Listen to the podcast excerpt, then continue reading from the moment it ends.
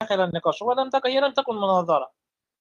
حتى كان الشيخ محمد علق تعليق جميل ومفيد يعني بعد هذه المكالمة. ماذا حدث؟ عبد القادر الحسين هذا شخص من كبار الأشاعرة في هذا الزمان مشهور يعني قناته مشهورة المهم ظهر وقال أنا رجل يعني بعد بعد الشيخ محمد كلمه قال أنت ادعيت أنك لا تقول بخلق القرآن؟ فأردت أن أسألك سؤال. قال هذه المكالمة مسجلة؟ قال الشيخ محمد بن شمس الدين نعم. فأغلق في وجهه. قال ليس لدي وقت. هذا هروب طيب أتى هذا الشخص؟ قال يعني بعد ما الشيخ محمد اتهمه بالهروب وهكذا أتى وقال ماذا؟ كيف أناظره؟ أنا لن أناظر شخص إلا إن أتت المملكة العربية السعودية ويعني أجمع العلماء على أن هذا الشخص يمثل السلفية يمثل السلفية مطلقا. فأناظره. طبعا هذا تهرب آخر. يعني هل حدث في يعني أنا لا أعرف المشايخ طبعا أعلم مني يعني. عمرك سمعت أنت يا أخ محمد أو الشيخ شيخنا الفاضل الشيخ راشد أو الشيخ أبو حسين أو أو أستاذ تومي حد فيكم سمع أن السعودية فعلت هذا مثلا أو أو, أو يعني مجلس العلماء فعل هذا. قال هذا الشخص يمثلني في هذه المناظرة. حصلت قبل كده؟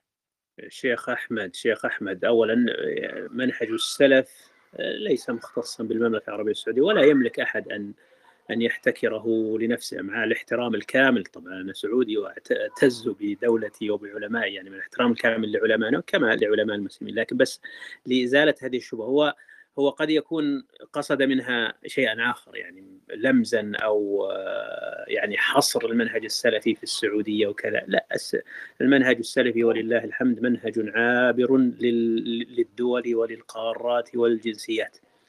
منهج يتشارك كل المسلمين في تبنيه وفي الدفاع عنه وليس مختصا بدولة ولا بمجموعة من العلماء. فلا يمرر مثل هذه الأفكار. واعتذر على مقاطعتك. بارك الله فيك. يعني لذلك هو طلب شرط لم يحدث بتاريخ الأمة علشان ينظم. فهذا هروب آخر. المهم فسعيد فودة في المكالمة بعد ما أغلق محمد شمس الدين كلم سعيد فودة وعرفه أن المكالمة مسجلة ولا مانع عنده. الرجل صراحة كان شجاع في هذا. آه ولكن سعيد فودة قال بعض المقالات السيئة جدا. قال الغير مخلوق هناك قرآن بمعنى مخلوق وقرآن بمعنى غير مخلوق. الغير مخلوق هو كلام الله النفسي. والكلام النفسي دال على كل معلومات الله. دال على كل هو هو كلام النفسي عندهم دال على كل الأوامر والنواهي وإلى آخره. فعقبت على على قول فودة وقلت وموسى عليه السلام كما نقل التاج السبكي أن الله أفرد موسى في وقته بأن أسمعه كلام نفسه بغير واسطة.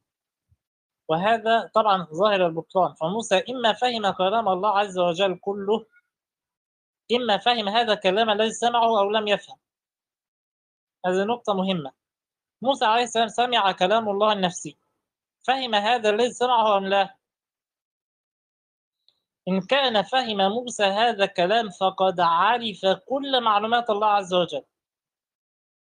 لأن الكلام النفسي دال على كل معلومات الله عز وجل عنده. والكلام الم... في ناس تيجي تقول لك طب ما أنا بسمع كلامك؟ بس ما أعرفش كل معلوماتك ما أعرفش كل كلامك. اللفظة معلومات أو علم؟ اللفظة لا معلومات معلومات.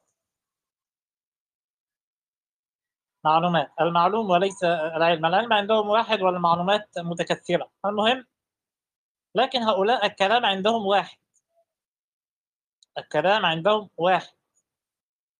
يعني الله عز وجل له كلام واحد فقط. ليس اثنان أو ثلاثة.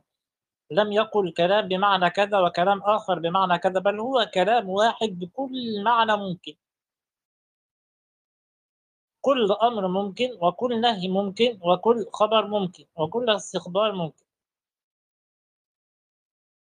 إذا موسى عليه السلام إما سمع كلام الله وفهمه فهم هذا الكلام أو لم يفهم. طبعا يستحيل يكون لم يفهم لأن القرآن بين أن موسى سمع كلام ورد عليه وتعامل على أنه فهم الكلام. رب أرني أنظر إليك قال لن تراني إلى آخره. فموسى عليه السلام يعني لما الله كلمه فهم ما قال. فإذا قال فهم كلام الله فيكون فهم كل كلام الله. أقصد كل معلومات الله عز وجل. لأن هو سعيد فودة قالها؟ في المكالمة. كلام الله دال على كل معلومات الله عز وجل. والقرآن الذي بين أيدينا لا يدل على كل معلومات الله عز وجل. فدي حجته إن القرآن اللي بين إيدينا ده مخلوق. المهم. فإما أن يكون موسى كالله عز وجل في العلم أو يكون لم يفهم شيء من كلام الله عز وجل أو كلام الله يتبعض يعني في كلام غير كلام فهم بعضه ولم يفهم بعضه وهذا لا يكون الأشاعرة لأن عندهم علم الله واحد كلام الله واحد إرادة الله واحدة علم الله بمحمد بن عبد الله هو نفس علمه لإبليس لا يختلف شيء وهو واحد. إرادة الله لخلق زيد هي إرادته لموته واحدة فكلهم عندهم واحد. مش ده موضوعنا يعني. ده طبعا ممتنع عقلا لكن مش ده موضوع. المهم قال فدا إيه؟ القرآن العربي العربي ليس هو كلام الله. فالقرآن دال على بعض مدلول كلام الله النفسي. ده كلام واضح هل هناك أحد بعد هذا يشك أن الأشاعرة يكونون بخلق القرآن؟ قال القرآن العربي طب هو في قرآن عربي وقرآن مش عربي يا جماعة الخير؟ إنا أنزلناه قرآنا عربيا قرآن عربي واضح آه فلما انت تيجي أحمد هذا قول هذا قول أبو الحسن الأشعري أصلا أن القرآن العربي هو الذي يعني عنده أن الله سبحانه وتعالى خلق خلق هذا هذه الحروف وهذه الأصوات في الهواء فسمعها جبريل عليه السلام. هذا هو مذهب الإمام أبو الحسن الأشعري وعندما سمعها جبريل عليه السلام فقد عبر فقد فقد يعني أمر واضح أن هذه الحروف وهذه تعبير عن كلام الله. فقد عبر يعبر عن كلام الله هذا قوله نعم نعم. والقصد هنا أن يعني لما أنت تيجي تقول إن هذه هذا الكلام اللي قاله سعيد فوده هو صريح في أن القرآن مخلوق. يجي واحد يقول لك لا نحن لا نقول بخلق القرآن. زي معظم الأشاعرة ليه هتلاقي طلع يقول لك إحنا ما بنقولش بخلق القرآن بطلوا كتير علينا. فيحسسك إن هو بيتكلم جد. زي ما قال ابن قدامة أكثر قوم يخفون مقالاتهم هم الأشاعرة. طيب قال فوده القرآن العربي ليس هو كلام الله فالقرآن دال على بعض من كلام الله النفسي قلت طبعا ده ده في المنشور على بقرا عشان لو نسيت حاجة يعني قدام يعني. وإذا يثبت أنه مخلوق لأن المدلول مخلوق لو بمعنى المعلوم فهو مخلوق. طبعا عندهم فرق بين الدال والمدلول والعلم والمعلوم. لأن العلم عندهم مثلا الله عز وجل له علم لكن معلوم مخلوق. إيه المعلوم؟ أنا أستاذ محمد أساتذة الكرام كل دول معلومات الله عز وجل كلها أشياء مخلوقة. إلا لو كان المعلوم هو الله عز وجل ودي كارثة.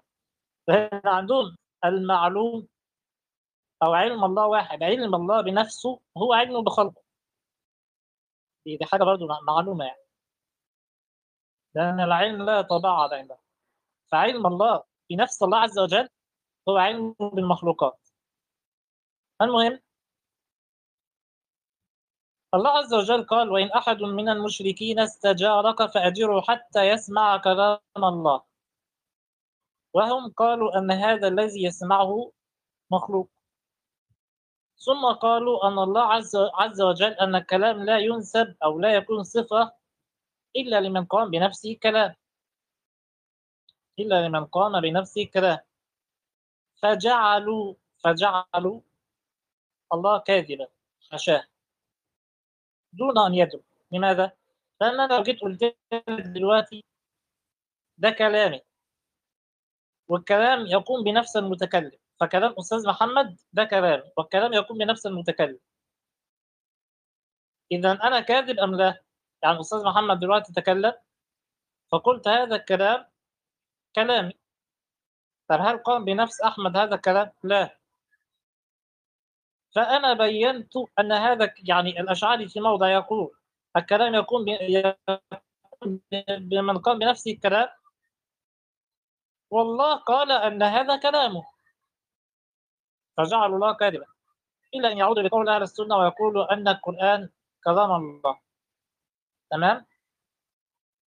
طيب آه كذلك يعني سأنقل مقالات آه آه فودة أنا أحاول أتذكرها برضو. القرآن ينفذ. أما كلام الله عز وجل لا ينتهي. فهناك فرق بين كلام الله والقرآن. طب هذا دليل آخر قاطع. أن يقول أن القرآن مخلوق أم لا؟ يعني يا ريت حد يرد على دقيقة بس يا أخ محمد دقيقة واحدة. ماشي. هو عموما في كل الأحوال هو المذهب الأشعري ينقسم إلى قسمين. بس أريد أن أصحح نقطة. أن الإمام أبو الحسن الأشعري قال أن الله سبحانه وتعالى خلق حروفا وأصواتا سمع بها جبريل هذا الكلام وبالتالي هذا الكلام أو هذا القرآن الذي بين أيدينا بين دفتي المصحف الكلام المسطور فيه أو الموجود فيه هو كلام مخلوق. لكن المنتسبين للإمام الأشعري قالوا أن الله سبحانه وتعالى وكثير منهم قالوا أن الله سبحانه وتعالى ألقى في روع جبريل هذا المعنى ثم عبر به جبريل أو ترجمه ترجم هذا المعنى النفسي أو عبر به عن هذا الكلام فيصير الكلام مخلوقا أحدثه جبريل أو ألفه جبريل إلى حروف وأصوات وعبارات. وفي كلا الحالتين هذا القرآن العربي في المذهب الأشعري في هذا القرآن هو مخلوق. مخلوق. هذا هو المذهب الأشعري بصرف النظر إذا قيل أن الله سبحانه وتعالى خلق حروفا وأصواتا سمعها جبريل أو خلق في جبريل إدراكا لهذا الكلام أو ألقى في روعه هذا الكلام أو كما قال الباقلاني أنه أفهمه هذا الكلام إفهاما لأنه كما تعلمون هو معنى فلا يسمعه إياه بل أفهمه إفهاما ثم عبر به جبريل في كل يقال لهم كيف أفهمه تناقض سبحان الله هل أفهمه أصلا بغير كيف كلام؟ يكون كلاما هل أفهمه بغير كلام؟ آه، تلك هي المشكلة هي محاو يعني هي كلها ناتجة. بدعة مركبة على بال- بدع ال- المشكلة هو التأثر بالمعتزلة عندما نقول أن لا أريد أن أقول هذا اللفظ الأشاعرة يعني تأثروا بالمعتزلة لأن آه، أبو الحسن الأشعري كما تعلمون كان معتزليا لمدة أربعين عام. فيعني هذا القول يعتبر قول وسط حاولوا أن يمسكوا العصا من المنتصف وللأسف الشديد فالمذهب في حقيقته هو نفس مذهب المعتزلة. المعتزلة يقولون بأن الحروف والأصوات مخلوقة وهم كذلك يقولون ولكن هم يتميزون عنهم بأنه قالوا أن هناك معنى نفسي آه، واحد يقوم بذات الله. وسموه الكلام وهو في اللغة وفي اللغة وفي العرف ولا يسمى هذا المعنى النفسي آه، كلاما أصلا يعني. لكن هم في الحقيقة حقيقة قولهم هو نفس قول المعتزلة أن هذا القرآن الذي بين أيدينا هو مخلوق هو نفس قول المعتزلة في الحقيقة. هل هو منطوق كلامهم أم مفهوم كلامهم يا شيخ محمد؟ على أساس آه، التعميم إشكال لابد من تحرير أقوالهم في هذا. وبيان من يقترب آه. منهم من الحق ومن يبتعد. آه هذه من الضروري. هم حتى لا نتهم بالتعميم نعم. ال- الكلام عندهم ينقسم إلى قسمين. قسم منه آه، مخلوق وهو هذا القرآن العربي. هذا اللفظ العربي هذه الحروف العربية هذا القرآن الذي بين أيدينا هو مخلوق. هذا آه، كلامهم. أما الغير مخلوق فهو الكلام النفسي المعنى الذي يقوم بالذات. ونحن نتحدث عن هذا القرآن.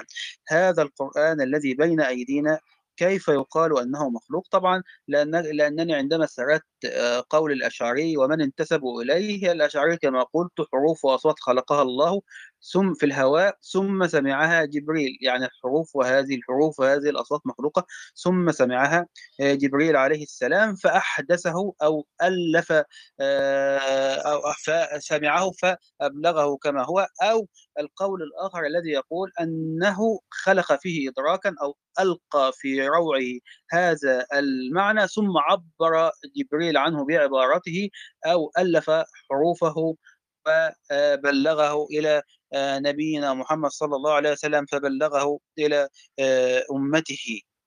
هذا هو قولهم يعني قولهم أن نصف القرآن نصف القرآن أصلا هو مخلوق ونصفه غير مخلوق على اعتبار أن أن المعنى النفسي الذي يقوم بالذات غير مخلوق. أما هذه الحروف وهذه الأصوات هي مخلوقة سواء قيل أنها خلقت في الهواء أو عبر عنها جبريل عليه السلام أو عبر عنها آه، نبينا محمد صلى الله عليه وسلم. خلي بالك دي برضو آه، زي ما قلنا من تناقضاتها. إن إحنا عارفين أن معنى قوله تعالى قل هو الله أحد. غير معنى قوله تعالى تبت يد أبي لهب وتب. أستحلفكم بالله. واحد هنا من المستمعين لا يعرف أن هناك فرق بين قوله تعالى قل هو الله أحد. كاتب حالك شيخ بس. الحمد لله. هو أخي أحمد الهاتف عندي علق يعني ما أدري ما حصل له. ولا ولا يهمك ولا يهمك. الله يبارك طيب. بارك الله فيك. المهم هو قال. قال ماذا؟ تمام قيل يعقل ذلك بالدليل الموجب لقدمه. يعني إحنا دللنا قلنا دليل عقلي إن لازم الكلام ده يكون قديم ما ينفعش يكون حادث. وما ينفعش يكون الله غير متكلم. ودليلهم على ده ماذا؟ أن ما لا يخلو من الحوادث فهو حادث. ولا يجوز أن يقول أن يكون الله غير متكلم لأنه إن لم يتكلم سيكون متصف بضد الكلام. يعني مش إحنا مش بصدد إن إحنا نذكر حججهم على إثبات صفة الكلام. وهكذا. المهم قال لك إيه؟ الدليل الموجب لقدمه اللي هو أزلية كلام الله. المانع من كونه متغايرا مختلفا. على خلاف كلام المحدثين هم مخلوقات يعني. كما يعقل المتكلم هو شيء واحد ليس بذي أبعاد ولا أجزاء ولا آلات اللي هو ربنا يعني بيتكلم عن ربنا. والذي أوجب كونه كذلك قدمه وجوب مخالفته للمتكلمين المحدثين. يعني لازم يكون ربنا غيرنا يا جماعة الخير فما ينفعش يبقى الكلام بتاعه أكثر من معنى هو معنى واحد. طبعا أنا الكلام اللي أنا قلته لحد دلوقتي بيثبت إنه الكلام اللي أنا قلته إن هما كلام عندهم واحد هو صرح. فيما ذكرت الكلام عندهم شيء واحد. المهم أكمل عشان الكلام ده تعرفوا آه بيقول إيه في, في, في آخر كلامه لأن قال ما لا يعقل يعني. وإن قيل لا يعقل المتكلم هو شيء واحد لا يتقسم ولا يتجزأ فيه المحدثات. فإن قيل هذا الذي قلتم يوجب أن يكون التوراه بص هنا ابن فورك بيقول إيه؟ يوجب أن يكون التوراه والإنجيل والزبور والفرقان وسائر كتب الله شيئا واحدا. والرب سبحانه وتعالى قد أثبت لنفسه كلمات فقال ما نفدت كلمات كلمات الله وتمت كلمة ربك إلى آخره. قلنا اللي هو ابن فورج هيقول لكم الحجة البالغة. كما أن الرب سبحانه أثبت لنفسه كلمات وأنزل الكتب كذلك سمى نفسه بأسماء كثيرة وأثبتها فيها التنزيل. وقال ولله الأسماء الحسنى وقال رسول الله صلى الله عليه وسلم لله 99 اسما أفتقولون بتعدد المسمى طبعا قياس مع الفرق بتعدد الأسامي أم تقولون أسماء تدل على مسمى واحد؟ إنما هي تسميات متعددة بألفاظ مختلفة دالة على مسمى واحد. بنعوت الجلال فإذا قلتم التسميات تتعدد والمسمى واحد فكذلك نقول في الكلام الأزلي أنه واحد. لا يشبه كلام المخلوقات ولا بلغة من اللغات ولا يوصف بأنه عربي أو فارسي أو عبراني. ربنا بيقول لك قرانا عربيا دول بيقول لك لا يوصف إيه؟ لا عربي ولا غيره. لكن العبارات لها مخلوقة يعني عنه تقصر وتختلف. فإذا قرئ كلام الله بلغة العرب سمي قرانا وإذا قرئ بلغة العبرانية أو الربانية سمي توراة وإنجيل. كذلك الرب سبحانه وتعالى وصف آه، وصف بالعربية إلى آخره. ده كلام ابن فورة. كلام واحد كما طلب الشيخ آه، أبو حسين يعني وكلامه صواب. يعني طيب في بعض في ألفاظ في ألفاظ صريحة بتتكلم عن خلق القرآن وإن هذا القرآن العربي هو مخلوق. أنا هجيب نقلين آه، بيتكلموا بصراحة عن إن هذا القرآن العربي مخلوق. يا أخ محمد يا أخ محمد. آه، آه، يا أخ محمد الكلام ده السلام عليكم. نعم. السلام ورحمة الله وبركاته. الكلام ده كارثة. لما تقول إن هو معنى واحد إن إن معنى قوله قوله تعالى كل والله أحد هو نفس معنى. قل يا أيها الكافرون والله هذا الكلام لا يعقل. لو أنا جيت قلت لكم إن آخرة العقل بتاع الأشاعرة بيوصلهم لده لن يقبله أحد. يقول لك دليل ده لإيه؟ فعلا، والدليل مش فعلا. ده. كلام لا يعقل. تعرف يا شيخ شيخ أحمد هنقل عن اللجواني هنقل عن الجواني ثانية واحدة بس أخ باسم هنقل طيب. النقلين دول هقول النقلين دول وبعد كده آه، تتكلم ش- آه، الأخ باسم. السلام قال الجواني عليكم في الإرشاد وعليكم السلام ورحمة الله وبركاته. قال الجويني في الإرشاد نعم. فإن معنى قولهم أي المعتزلة هذه العبارات كلام الله أنها خلقه ونحن لا ننكر أنها خلق هذا كلام الجويني قال الإيجي الإيجي في المواقف. فاعلم أن ما يقوله المعتزلة وهو خلق الأصوات والحروف وكونها حادثة فنحن نقول به ولا نزاع بيننا وبينهم في ذلك وما نقوله من كلام النفس فهم ينكرون فهم ينكرون ثبوته. يعني هو اتفق معهم في أن هذا القرآن العربي وهذه الحروف هذه الحروف يخالفهم في مسألة الكلام النفسي. آه هذا هو مذهبهم يا إخوة بكل وضوح بكل صراحة أن بين دفتي المصحف مخلوق أن هذا القرآن العربي مخلوق أن هذه الحروف وهذه الأصوات مخلوقة على اختلاف صياغتهم لهذه المسألة. والله المستعان. الأخ باسم يتفضل السلام عليكم. وعليكم السلام. وعليكم السلام. ورحمة الله وبركاته إذا سمحتم أن نتكلم في هذا الموضوع كلام الله عز وجل آه، في, في القرآن طب الكريم. شيخ إبراهيم شيخ إبراهيم يعني شيخ إبراهيم بارك الله فيك. يعني نترك الكلمة للاخ باسم وتتحدث بعده إن شاء الله. لا لا نعم، عادي, شيخ محمد. تفضل شيخ شيخ إبراهيم. تفضل شيخ هنا إبراهيم شيخ. الأخ باسم تفضل نعم. شيخ إبراهيم. تفضل. نعم. نعم. تفضل. تفضل. القرآن كلام الله وصفته. كلام الله وصفته. هكذا. فأنتم تتكلمون على آه، في علم الكلام وعلم الكلام هو مذموم عند السلف الصالح. فأحدث بعد آه، بعد آه، يعني مثلا التابعين وغير ذلك. فهذا علم الكلام هو مذموم عند الأئمة الأربعة كالشافعي والإمام مالك وغيره. نعم. والدليل على أنه مذموم وأنه محدث آه، أصحابه يعني مثلا تابوا من ذلك كالغزالي وكالجويني وكالرازي وغيرهما. هذا هو الدليل. نعم. فهم أيضا وحتى المعتزلة أنفسهم يقولون بأن كلام الله مخلوق واستشهدوا آه، بالآية الكريمة. عموها. قول الله سبحانه وتعالى في عيسى روح الله وكلماته الكلمة وعيسى هو مخلوق ولذلك آه، طرقوا إلى القرآن بأنه مخلوق. هذه الآية الأولى. الآية الثانية يقول فيها الله خالق كل شيء يعني على العموم. طرقوا حتى في القرآن. ولكن ليس في ذلك دليل واضح على أن كلام الله مخلوق. هذه الأولى. واتفق الأئمة كلهم بأجمعهم حتى الفقهاء. قالوا يجوز الحلف به. لماذا؟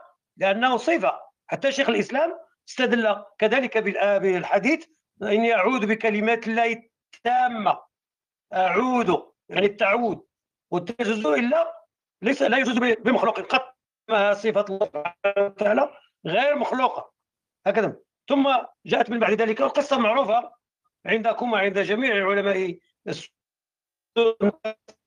الإمام أحمد وال- وال- والجهم آه، الحوار في اللي دار بينه وبين الجميع في في, كلام الله مخلوق لنا فكلام فالإمام أحمد ماذا قال له؟ قال لهم ما تقولون في علم الله؟ باش يهزمهم ما تقولون في علم الله؟ سكتوا لأن علم الله هو كلام الله. هكذا. تيقول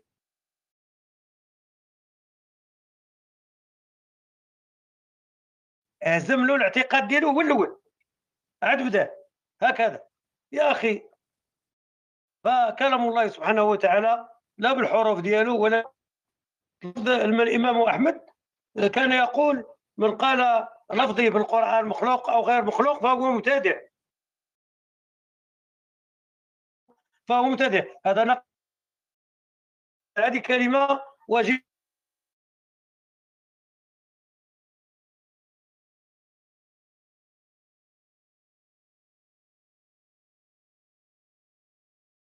ربما الصوت متقطع.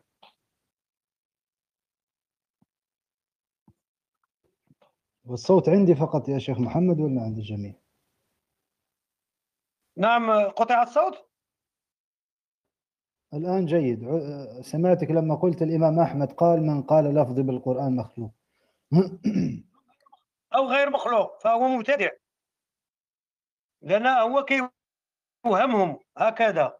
حتى المبتدعين أصلا تيسروا اللفظ اللي جاب الله عز وجل فهو مخلوق. قال لي من قال إن لفظي بالقران مخلوق أو غير مخلوق فهو فهو يعني مبتدع أصلا. هذا يقول ذلك شيخ الإسلام ابن تيمية في كتاب الإيمان. وله مؤلفات من أراد أن فشيخ الإسلام رحمه الله عنده مجلد هكذا يتكلم على على كلام الله عز وجل. نعم.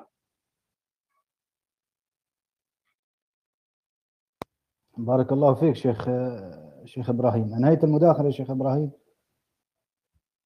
نعم صافي جزاكم الله بجد عندي الصوت منقطع. يعني أنا أنا أنا كائن بمكان يعني مقطوع فيه يعني مثلا آه، كونيكسيون الله يبارك فيك. نعم جزاكم الله خير.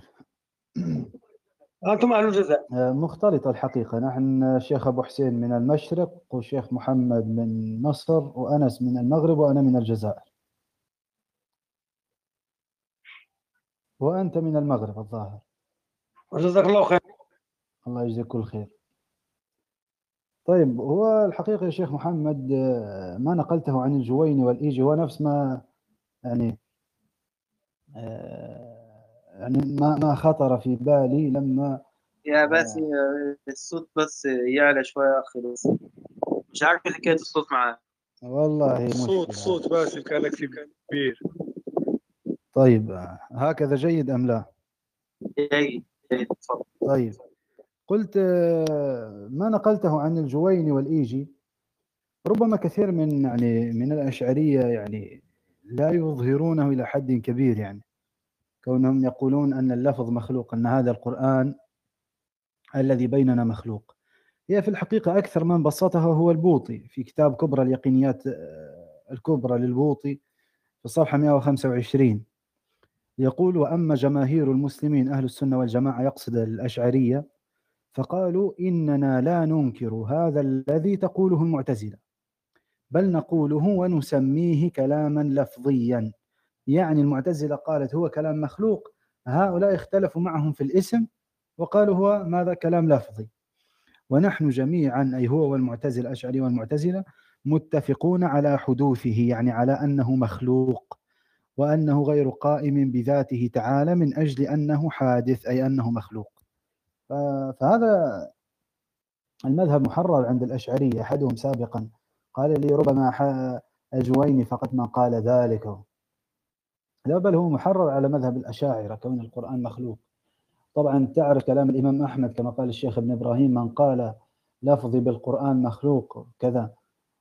فحقيقة القرآن عندهم ما هو؟ هو معنى في ذات الله معنى يسمونه كلام نفسي ومعنى في النهاية. هذا المعنى بحيث أنه كما قلت قال الأخ أحمد آه، قوله مثلا تعالى أستغفر الله. قل هو الله أحد مثل يعني مثل قوله تعالى آه، قل يا أيها الكافرون. فهذا كله معنى واحد يعني في نفسه. والاستفهام بمعنى الخبر بمعنى كذا. فهذا القرآن الذي هو معنى واحد حسب الأشعرية كيف وصلنا نحن الآن؟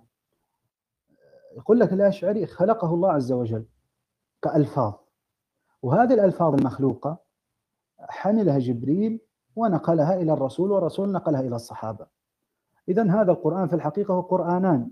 صار يعني مرة ذكر أظن سعيد فودة قالوا له القرآن مخلوق أم لا؟ قال أي قرآن. وعلى حتى الكلباذي يقولها هذا كلباذي متقدم من الأشعرية وصوفي أساسا. يقول القرآن قرآنان. لكن ماذا يقول كلباذي يقول ولا يقال هذا أمام العامة. انظر كيف يدفعون الشنعة عن, عن أنفسهم. قال ولا يقال هذا أمام العامة. يعني لا تقول أمام العوام أن القرآن ماذا؟ قرآنان واحد مخلوق وواحد نفسي. عموما نشوء مقالة الكلام النفسي ونحو ذلك. معروف في سياقها التاريخي أنها مقالة أرسطية في النهاية فرارا من مقولة أنها مقولة المحرك الذي لا يتحرك. وقد كررت هذا مرارا مع عاد نافع أن أكرره الآن لأنه الكل سمعه يعني تقريبا. هذا هو ما أردت أن أن أفيد به. والله المستعان. صحيح أخي باسم صدقت طرقت لهذه الجانب كذلك. نعم لأجل ذلك لم أشأ أن أتكلم ثاني. أعرف أنك تطرقت لكل المناحي يعني. آه إن شاء الله. يعني والله يعني أعطيت لهذا الروم يعني وقته الكافي في التحضير وكذا. الحمد لله يعني تكفينا الرسائل التي وصلت من الإخوة أنهم استفادوا. وقد ظهر لهم يعني بطلان. هذه العقيدة في صفة الكلام الله عز وجل. وسنواصل إن شاء الله كما وعدت الإخوان أنني سأتطرق كذلك لمناقشة المعتزلة لأننا اليوم يعني ناقشنا الأشعرية الكلابية في اعتقادهم. وروم أخرى ستفتح إن شاء الله لمناقشة المعتزلة ونتكلم عن ظهور بدعة القرآن في الأوساط ونناقشهم في بدعتهم كما ناقشنا اليوم الأشعرية الكلابية إن شاء الله. وفي غرف إن شاء الله وأنا أيضا يعني إن شاء الله أحضر إلى غرفة تكون إن شاء الله في وزنها مثل هذه الغرفة في الرد على سيف العصري المتحمل سيف العصري. إن شاء الله تكون في وقتها إن شاء الله. في مسألة أن التفويض هو مذهب السلف. وبارك الله فيكم اللي سجل الغرفة يعني يرسلها لي يرسل لي التسجيل في الخاص. إن شاء الله لأنني سأنشره على قناتي في التليجرام. وجزاكم الله خيرا. الله يجزيك كل خير يا أنس. الله يجعلك شوكة في حلوق أهل البدع جميعا إن شاء الله. اللهم آمين وإياك أخي باسم والجميع إن شاء الله. نسأل الله لعلنا نؤكد لعلنا نؤكد على منهج أهل السنة والجماعة أننا نناقش الفكرة ونرجو لصاحب الفكرة المخطئة أن يتوب الله عز وجل عليه. فنحن لا نريد لأحد أن يبقى في ضلالته و آه، بدعته آه، لا والله بل نحن كما يقول هذا ختمت به شيخنا أبو حسين. يعني لما ختمت إن شاء الله دعيت لهم بالهداية من هذه العقيدة نعم، الفاسدة. نعم. نحب الحق ونرحم الخلق. فنسأل الله يهديهم جميعا. وحبذا يا شيخ أنس قدر المستطاع ان أن الأسماء إن لم يكن لها لازم لم تكن من الأسماء الكبيرة المتبوعة فأن تناقش الفكرة فقط ويرد على الفكرة ولعل صاحبها يتوب. فنكون قد نقضنا الفكرة وأبقينا على الود وعلى حقه في خلق الإسلام في أننا نرعاه ونرجو له الهداية وأننا نتعامل مع خطئه بشيء من الرحمة والشفقة وليس بشيء من التشفي. فهذا والله, والله يا شيخنا أنا اليوم يعني ما طرقت لاسم لكن بخصوص الرجل يعني له أتباع وقد أضل الناس كلامه يعني وهذا يعني لا حرج أصلا عند السلف أصلا التحذير من الناس بأسمائهم أو الرد عليهم أو كذا ما ما, ما في إشكال أصلا. فيه نصوص يعني وآثار يعني. مستفيضة في هذا يعني. ما أرى أن في إشكال إذا كان هناك لازم. أما مثل اليوم أنا لم أرى لازما ولم أذكر شخصا بعينه لكن مثلا كالذي ذكرته أنني إن شاء الله أحدد الغرفة للرد عليه أنا أراها من الواجب يعني ما فيها إشكال أصلا.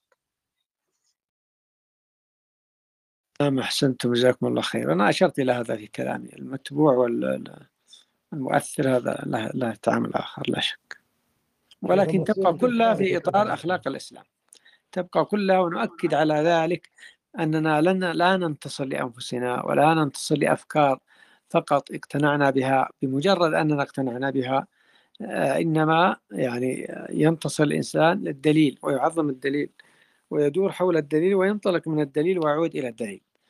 فكلما يعني اقترب من دليل من كتاب أو سنة وعظمهما كلما آه، كان على الحق وأثبت في عقيدته وأثبت في تأثيره وفي غير ذلك مما هي من أخلاق وآثار هذه العقيدة المباركة. آه، ثم ما خالفها لا شك كلما ابتعد الإنسان. نعم نعم. كلما ابتعد الإنسان آه، عن عن هذه النصوص كلما وقع في البدعة وقع في التناقض. وأنتم ترون أن هذه الجدالات الكلامية آه، لا تنتهي. بل آه، يعني يريد الإنسان يعني عقيدة بسيطة آه، القرآن عندك والسنة وفهمها باللغة العربية ثم تسأل أهل العلم فيها. أما قضايا التعقيدات والكلاميات هذه التي أبعدت الناس عن حتى خشوع لله سبحانه وتعالى وتعظيمه. جزاكم الله خير. الله يجزيك الخير يا شيخ أبو حسين. أنا سألتك يا شيخ أبو حسين كيف حالك؟ لدينا مدة لم نتكلم. طيب طاب حالك ومآلك وجزاكم الله خير. الله يجزيك كل خير. الله يبارك فيك. وإياكم الله يبارك فيك. لعلنا نختم يا مشايخ.